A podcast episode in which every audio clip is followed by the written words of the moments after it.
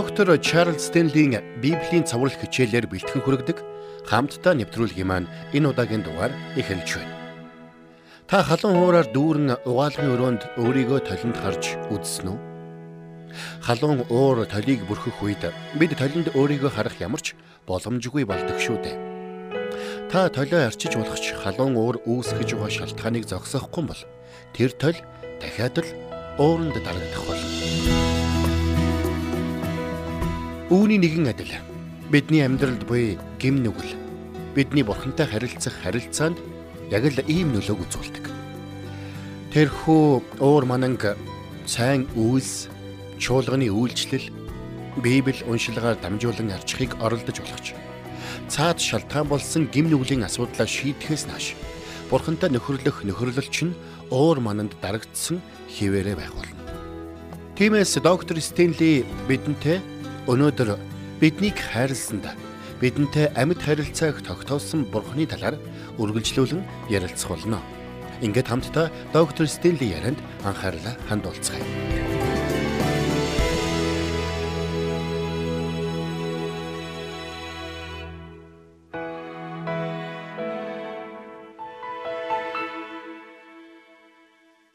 Бурхан бидний гэм нүглээс аварч мөнхийн үхэл мөнхийн шитгэлээс чөлөөлсөн.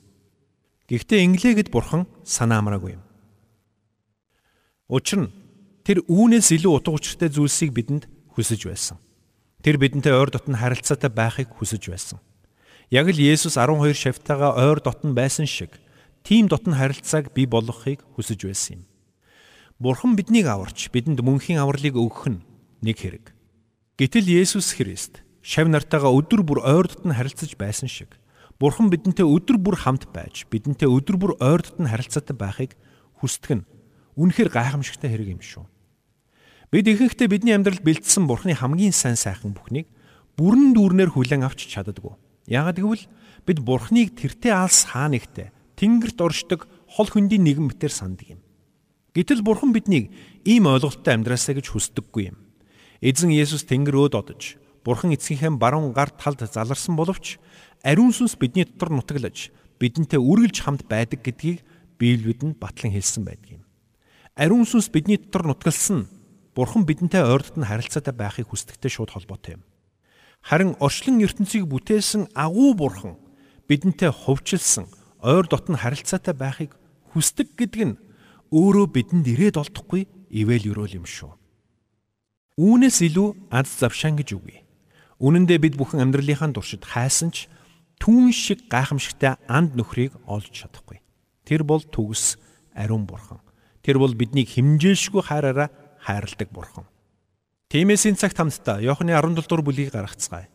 Иохан номын энэхүү бүлэгт Есүс шавнырынхаа төлөө хичээнгүлэн залбирсан тухай өгүүлсэн байдаг. Энэ бүлгийн туршид Есүс бурхан эцэгтэй хандан шавнырынхаа төлөө залбирсан байдаг юм. Өөрөөр хэлбэл та бидний төлөөч мөн залбирсан гэсэн үг. За ингээд 17-гийн 20-с харъя. Би зөвхөн тэдний төлөө бус.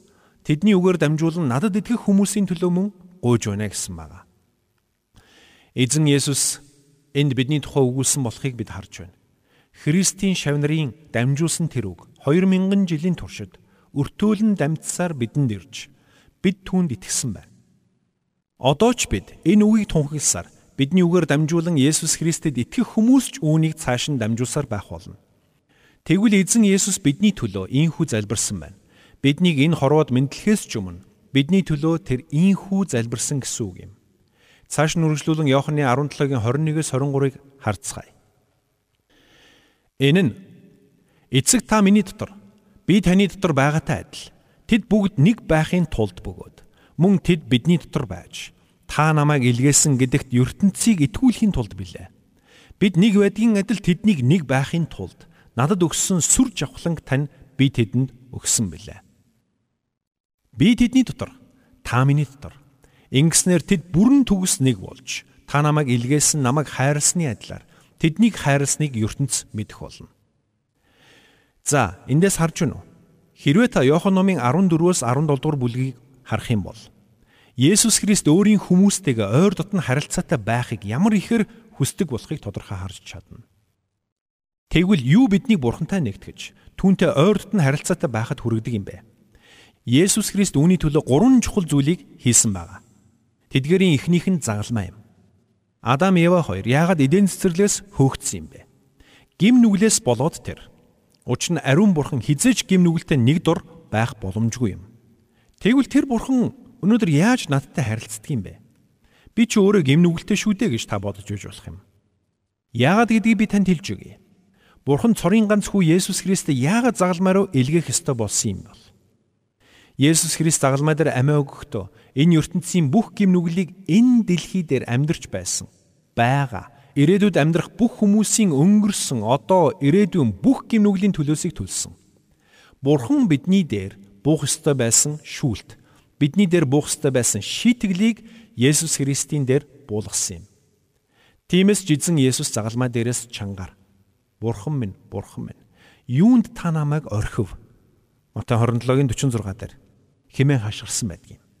Учир нь тэр үед эзэн Есүс хүндрэлтний гимнүглийн улмаас Бурхан эцгээсээ тусгаарлагдсан. Тинхүү түүний загалмайн өхлөр дамжуулаад бид Бурхан эцэгтэй харилцах боломжтой болсон юм. Тиймээс хүндрэлтэн болон Бурхан хооронд гимнүглийн улмаас үүссэн байсан ан цавыг Христийн үрсэн загалмай гүүр болон холбосон гэсэн үг. Хоёрдугаарт Христэд итгэх бидний итгэл юм. Библиэд хэлэхдээ бид Есүс Христэд итгэсэн мөчөд дахин төрдөг гэдгийг баталсан байдаг. Бид дахин төрсөн гэдэг нь бид шин амьдралтай болсон гэсэн үг юм. Иохан номын 3 дугаар бүлэгт энэ талаар өгүүлсэн байдаг.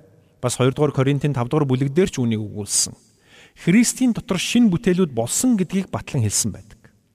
Энэ нь бид бүгд цоошин бүтээлүүд болсон гэсэн үг юм. Үүний дараа биднийг шин сүнстэй болсон гэдгийг Библиэд хэлсэн байдгийг. Өөрөөр хэлбэл Бурхан бидэнд цоошин сүнсийг өгсөн. Энэ бүхнээс нэгтгэхэд үзвэл бид шинээр төрсэн шин бүтээл болсон. Шин сүнсийг хүлээж авсан байна. Тэгвэл үүнтэй холбоотойгоор нэг чухал санааг Ромын 5:17 дээр хэлсэн байдаг юм. Энд Илч Паул Адамын гим нүгэлд унсан уналтын талаар болон Есүс Христээр дамжуулан бидэнд өгөгдсөн зөв байдлын талаар өгүүлсэн байна. За ингээм хамтдаа Ромын 5:17-г харъя.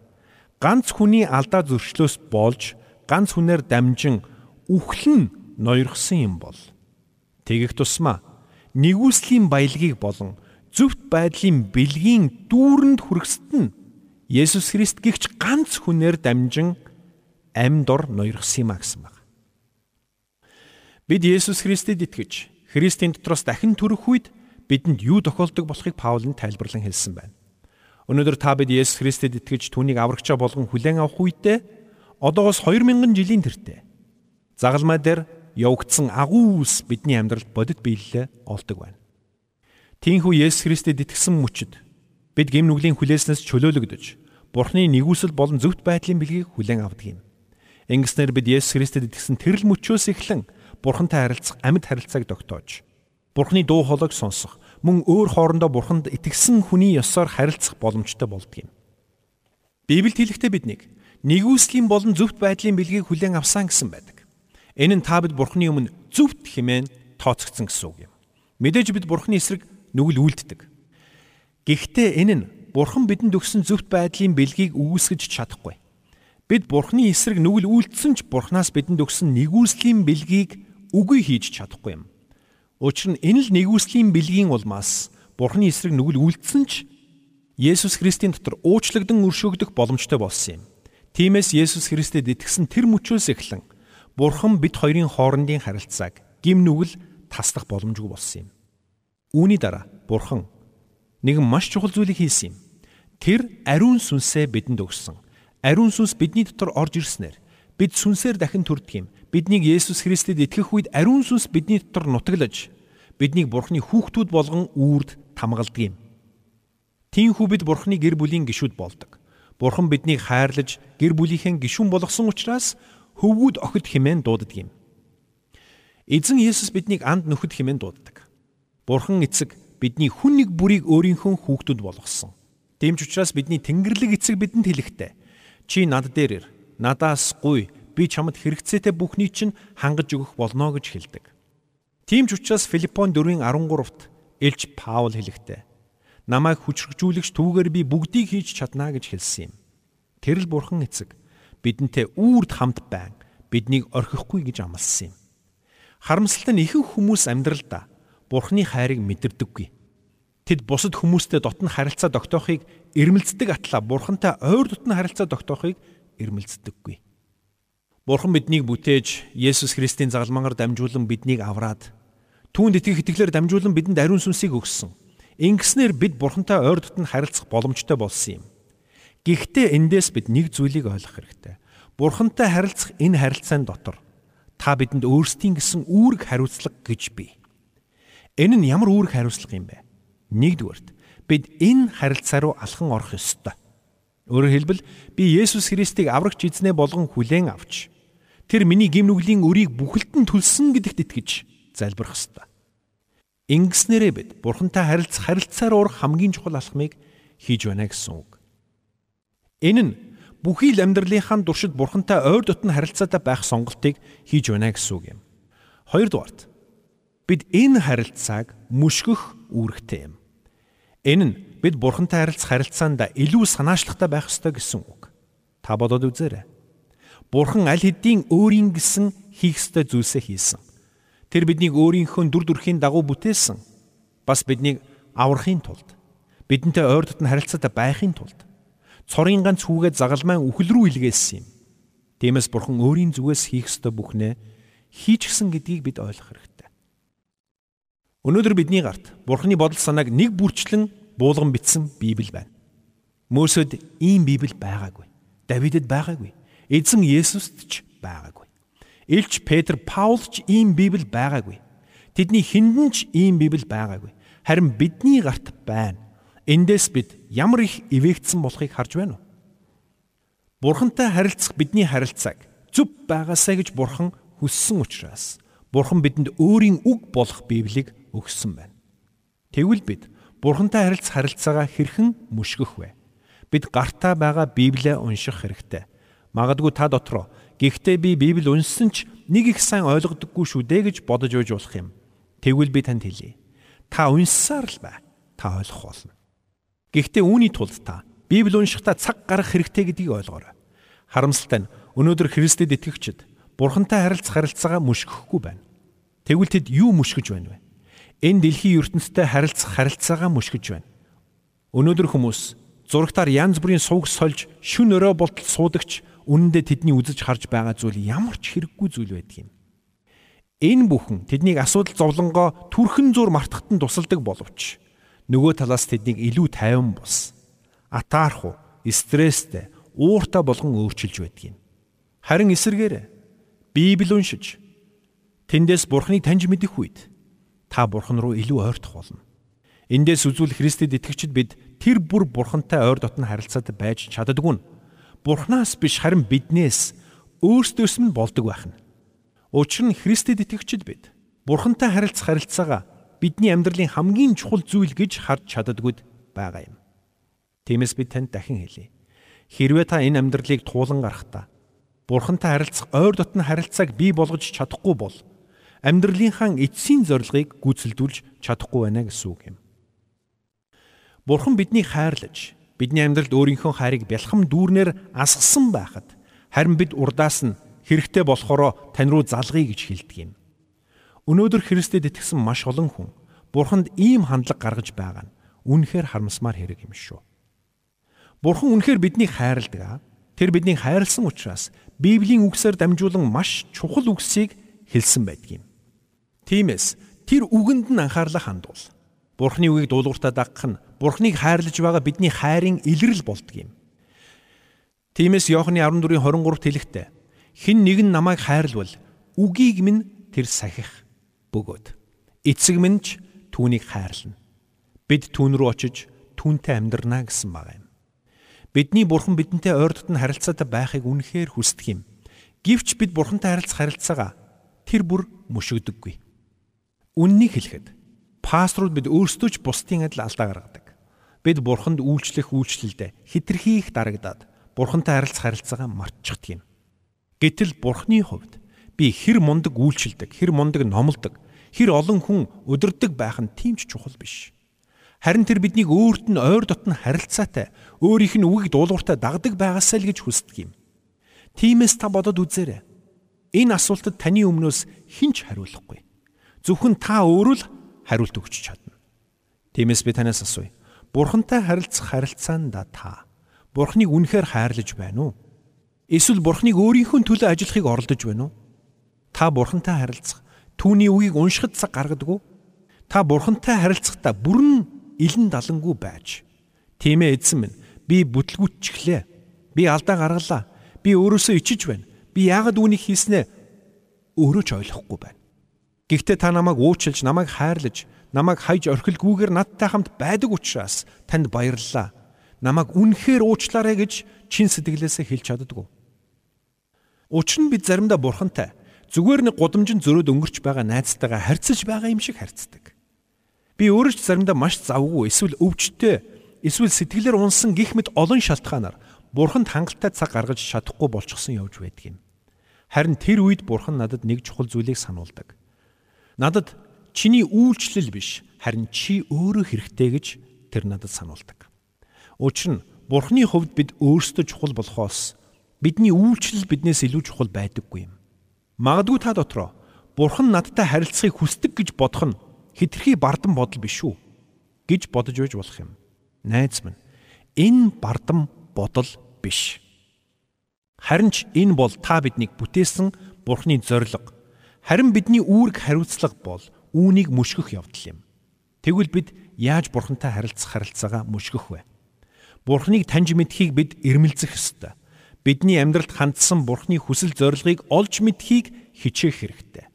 Бурхны ажилдаг арга замуудыг таньж, Бурхны хайрыг ойлгож ухаарахыг эрмэлзэх учиртай. Гэхдээ бид өөрсдийнхөө урдах ажилдаа хит анхаарад. Завгүй гүгээд байвал бид хизээч үүнийг ойлгож мэдэж чадахгүй юм.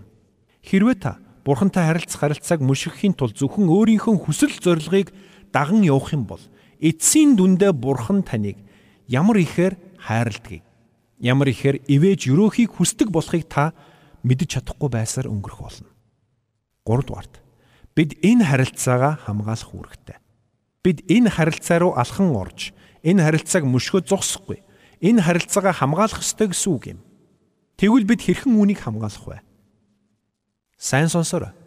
Бурхныг дуулууртай дагснараа. Үүнийг бид амьдралынхаа эрхэм зорилгоо болгох учиртай.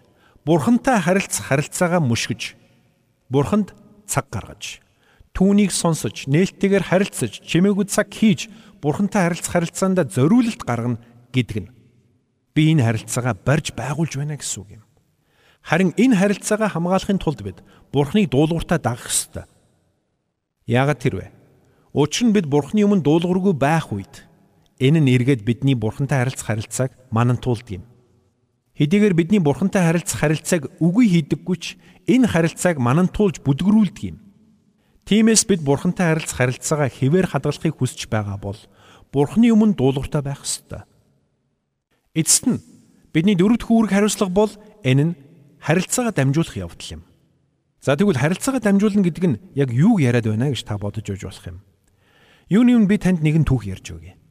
Би анх 12 настай байхдаа бурханд итгэж авралыг авч байсан. Тэр үед бурхныг ойлгох миний ойлголт маш өчүүхэн байсан юм.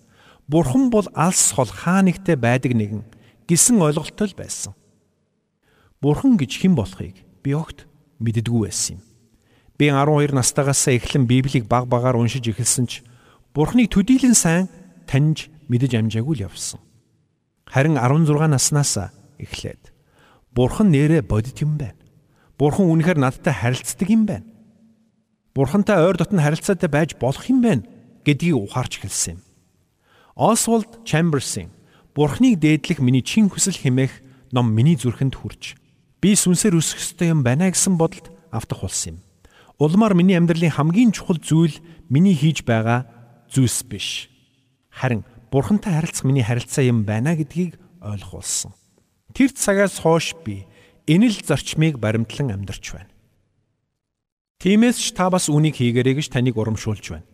Үүний тулд та эхлээд Бурхны өмнө очиод Бурхан минь ээ би тантай биш харин хүмүүстэй урдд нь харилцаатай байх гэж хитрхи хичээжээ. Харин энэ цагаас эхлэн таныг таньж мэдэхэд минь туслаач. Тантай харилцах харилцаагаа илүү ойр дотн болгож Миний амьдралд хандсан таны хүслийг ч ойлгож мэдхийг хүсэж байна хэмээн хэлээрэй. Магадгүй та дотроо би Христэд итгэж биш шүү дээ гэж бодож байж болох юм. Хэрвээ тийм бол найз минь бүхнийг бүтээсэн бүтээгч амьд бурхан байдгийг таньж мэд.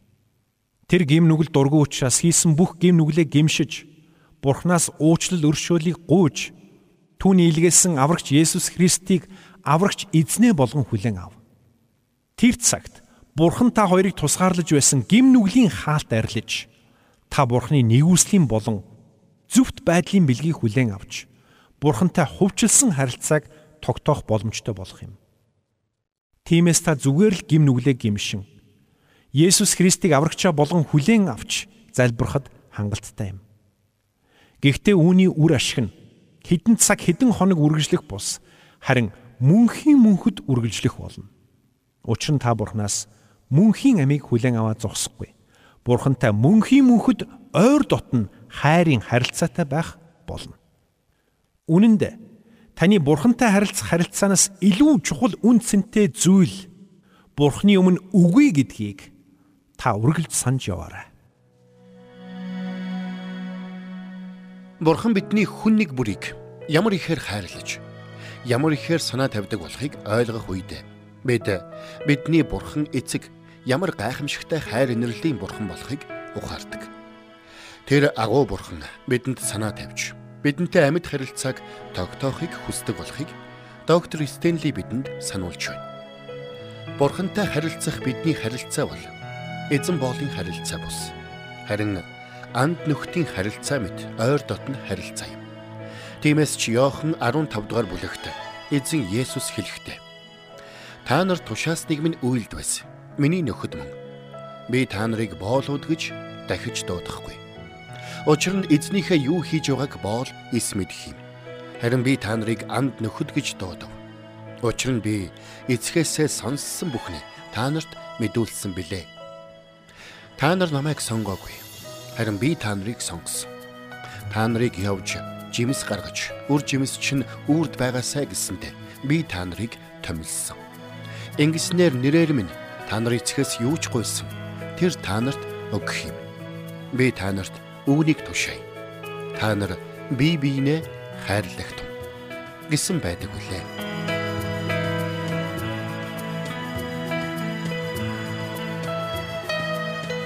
Бурханд тэмүүлсэн сэтгэл хүмүүсийг энэрх зөрхөөр амьдрахад туслах номлогч доктор Чарлз Стенлигийн хамттай нэвтрүүлэг сонсогч танд хүрлээ. Нэвтрүүлгийг дахин сонсохыг хүсвэл ихтгэл радиоцик.com-оор зочлоорой.